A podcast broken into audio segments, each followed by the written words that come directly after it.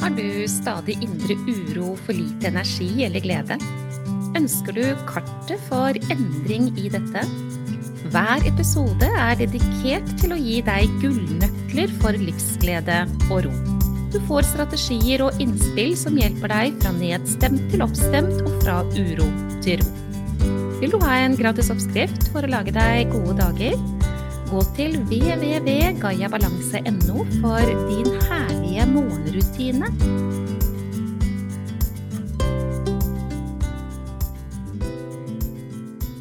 Denne episoden den starter med en nydelig solskinnshistorie blant mange, mange, mange jeg har fått lov til å ja, ta imot og være en del av gjennom eh, veldig mange år. Nå ti.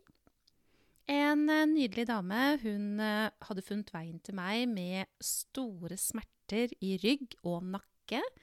Og også litt hofter og litt sånn. Og i tillegg til det så hadde mm, gleden vært fraværende, hun hadde sovet dårlig lenge, hun hadde begynt å kjenne på det som hun ikke helt forsto var angst, men som eh, var angst, og i det hele tatt. Og vi satte i gang et arbeid eh, som var helt vidunderlig. Altså, det handler jo om å kunne gjøre noe med det som er årsaken til alle disse plagene, og fellesnevneren er for høyt stressnivå over lang tid. Dette langvarige negative stresset som er som en gift for mennesket, både mentalt, emosjonelt og fysisk. Det denne episoden skal handle om, det er rett og slett at denne kvinnen hun eh, lyktes jo svært godt i sitt arbeid, heldigvis. Det, det, jo, det gjør alle som ikke gir opp ved første sving, og som tar imot den hjelpen som skal til. For det er jo forskjellen på det. Eh, men hun kom i hvert fall dit hvor ryggsmertene endret seg, hvor eh, hoftesmertene ble borte, hvor hun sov bedre om natten, følte seg mer restituert om morgenen. Angsten, den ble borte, og i det hele tatt. Og ikke bare det, til slutt så forsvant også nakkesmertene. Og det var smerter som denne kvinnen i midten av 50-årene hadde hatt siden hun var mer eller mindre tenåring. Hadde gått litt i perioder fram til hun var litt mer voksen, men fra 30-årene omtrent og fram til midten av 50 så var den nakken tidvis svært trøblete. Det hadde resultert i mye hodepine og i det hele tatt, og ikke minst veldig mange besøk hos diverse behandlere for å få tøyd, og for å få strukket opp og knukket opp, og alt mulig i denne nakken for å skape sirkulasjon. Men vet du hva? Plutselig en dag satt hun foran meg og fortalte, og da hadde jeg ikke sett henne på en ca. syv-åtte uker, hvor hun da fortalte at du vet hva, nå er det jo sånn, Monica, at denne nakken min, den har jo gradvis bare blitt bedre og bedre. Fra å liksom bli litt anspent og ugrei, for så å forsvinne og bli borte, denne anspentheten og smerten, over tid. Og så hadde den, kommet tilbake. Men da sa hun nå har jeg ikke kjent det på over tre måneder. Nå tror jeg det er over. Men, som hun sa, nå kjenner jeg faktisk på et tomrom i livet mitt. Og jeg lurer på, sånn som hun sa det, om dette har en sammenheng. Og det har det. Tenk at det kan være sånn at det du drømmer om at skal endre seg, ikke sant? Sånn som for henne, hun, hun, som hun sa det selv, eh, fikk jo et nytt liv av at den nakkesmerten og alt det andre bare ble endret på, selvfølgelig. Men det er jo også sånn at det har tatt veldig mye energi. Det har tatt veldig mye tid og energi gjennom veldig, veldig mange år, vært en naturlig del av hverdagen. Tanker omkring den nakken, og hva om dersom at Og det blir ikke bedre, og smerte, smerte og alt dette her. Og så blir det borte, og så kommer det en sånn eh, Hva nå? Akkurat som å, å stå der og, og, lure på hva skal jeg bruke energien min til? Hva skal jeg bruke tankene mine til? Hva skal jeg fylle inn i tiden min nå når dette her har blitt endret? Ganske pussig. Man skulle jo tro at når man får en så fantastisk god endring, og det kan, det kan man få, um, så skal man bare være lykkelig for det, og så lever man i sus og dus i alle sine dager. Men sånn er det ikke. Vi er uh, kompliserte, vi mennesker, altså. Hun fikk massevis av tanker i hodet sitt som um, førte henne inn i denne undringen da hva nå? Og en følelse av tomrom. Og jeg spurte henne men du, hva er det du egentlig har hatt lyst til å gjøre? som du ikke har gjort på mange, mange år, fordi du har hatt en kropp som har sagt nei, og tanker som har sagt at det kan du ikke, for det orker du ikke, og det kommer ikke til å gå, og da, da blir det sånn, og så blir det mye verre, og så nei, det går ikke, og det kan du ikke gjøre, og sånn. Hva er det? Hun tenkte seg vel og lenge om, og fant egentlig ikke svaret på noe spesifikt hva det var med en gang, men det hun sa, det var nå skjønner jeg det. Jeg kan bruke dette tomrommet til å ha mer moro.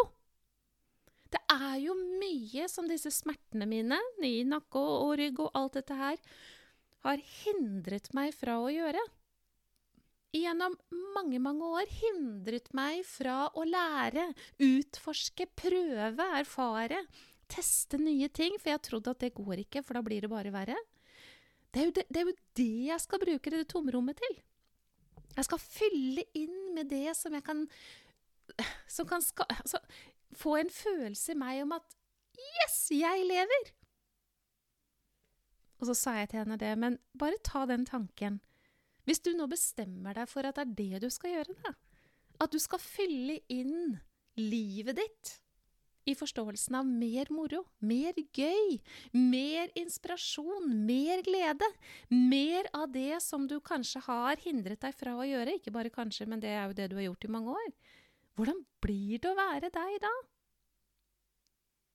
Det tok ikke lange tiden før den damen satt der med tårer i øynene og var altså dypt takknemlig. Um, ja, ting var at hun var takknemlig for meg, jeg var mer opptatt av at hun skulle være takknemlig i forhold til seg selv. Fordi det er hun som syvende og sist har gjort de tingene og endret det som måtte endres på, for at kroppen skulle kunne gi slipp. Og gevinsten er enormt stor. Tomrommet skal fylles med mer liv. Og da vil det jo være opp til enhver, da.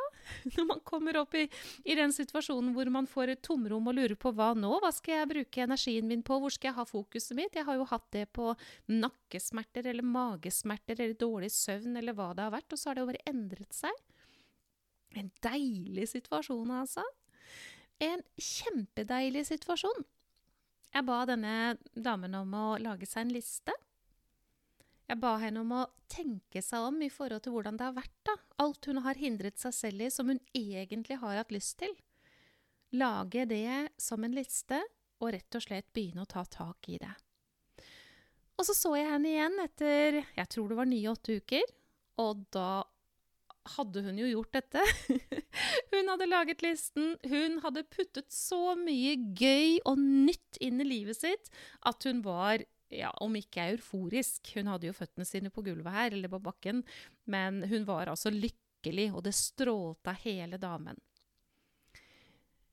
Vi snakket litt om, eller det var hun som tok det opp, altså Monica, hvordan kan det være sånn, da? Det jeg drømte om, og det, det som jeg egentlig ikke trodde jeg kom til å oppleve, at det skulle gi slipp etter så mange år. Og så bare satt jeg der og følte på et tomrom. Tenk om jeg ikke hadde snakket med deg om dette, så jeg hadde skjønt at jeg skulle fylle inn det tomrommet med livet mitt. Og jeg ikke hadde kommet på det selv, ja, men da hadde jo det vært annerledes, da. Så hadde jeg begynt å gruble, og så hadde jeg holdt på sånn og sånn, og så kan det jo hende det hadde kommet tilbake igjen. Ja, det kan hende. Samtidig så hadde hun skapt uh, sånne gode endringer at jeg tror hun hadde fanget det selv. Men tenk at det kan være sånn at man får et tomrom når man har fått det sånn som man har drømt om. Svaret på det er egentlig veldig enkelt den, det er egentlig bare et uttrykk for all den energien som har gått med til det som ikke var bra. I dette eksempelet, altså for denne kvinnen i forhold til nakkesmerte, hvor mange ganger igjennom hver eneste dag var hun klar over sin nakkesmerte? Hvor mange ganger hadde hun hatt tanker som eh, var om den nakkesmerten? Hvor mye av sin tid og energi hadde hun brukt på det? Jeg tror det er svimlende mye. Og når det ikke var sånn, og lettheten kom, og nakken var på en helt annen måte, så blir det en overgang, en endring. Og det kan oppleves som noe som man kanskje ikke hadde trodd at skulle komme, men dog, det er kun en følelse. Og den følelsen kan møtes, og så kan man jo bare si hjertelig hjertelig tusen takk! Nå skal jeg fylle inn med det jeg har utsatt, det jeg har ikke trodd at jeg kunne bruke tiden min på, det jeg har sagt nei til, det jeg ikke har hatt troa på at jeg kunne få til eller gjøre eller fylle inn i livet mitt pga. situasjonen som den har vært. Altså, for en gave! Helt nydelig. Ja, vi er, eh, vi er, skrudd sammen veldig rart, altså tomrom når man gir slipp på en smerte. Men eh, ja, absolutt. Det kan hende du fikk noe ut av å lytte til dette også. Jo, eh, for deg som har utfordringer, så må, må man jo først komme dit hvor de gir slipp, da. Men jeg har lyst til å si helt til slutt det viktige også i det jeg har snakket om nå, det er jo forståelsen av hvor mye energi som går med til å ha en utfordring, eller fler, i fysisk kropp. Eller f.eks. at man har så mye tankekaos at man holder på å bli sprø av det. Ja, men hvor mye energi og krefter og tid går det med til det? Ja, det er jo veldig, veldig mye, og det stjeler jo ifra hva da?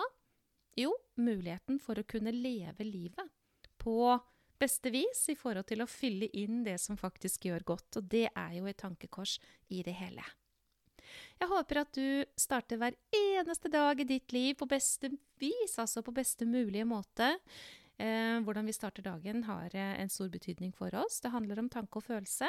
Jeg har laget gave til deg. Din herlige morgenrutine som du får muligheten til å ta imot i e-postkassa di om du signerer opp for det på nettsiden min gayabalanse.no.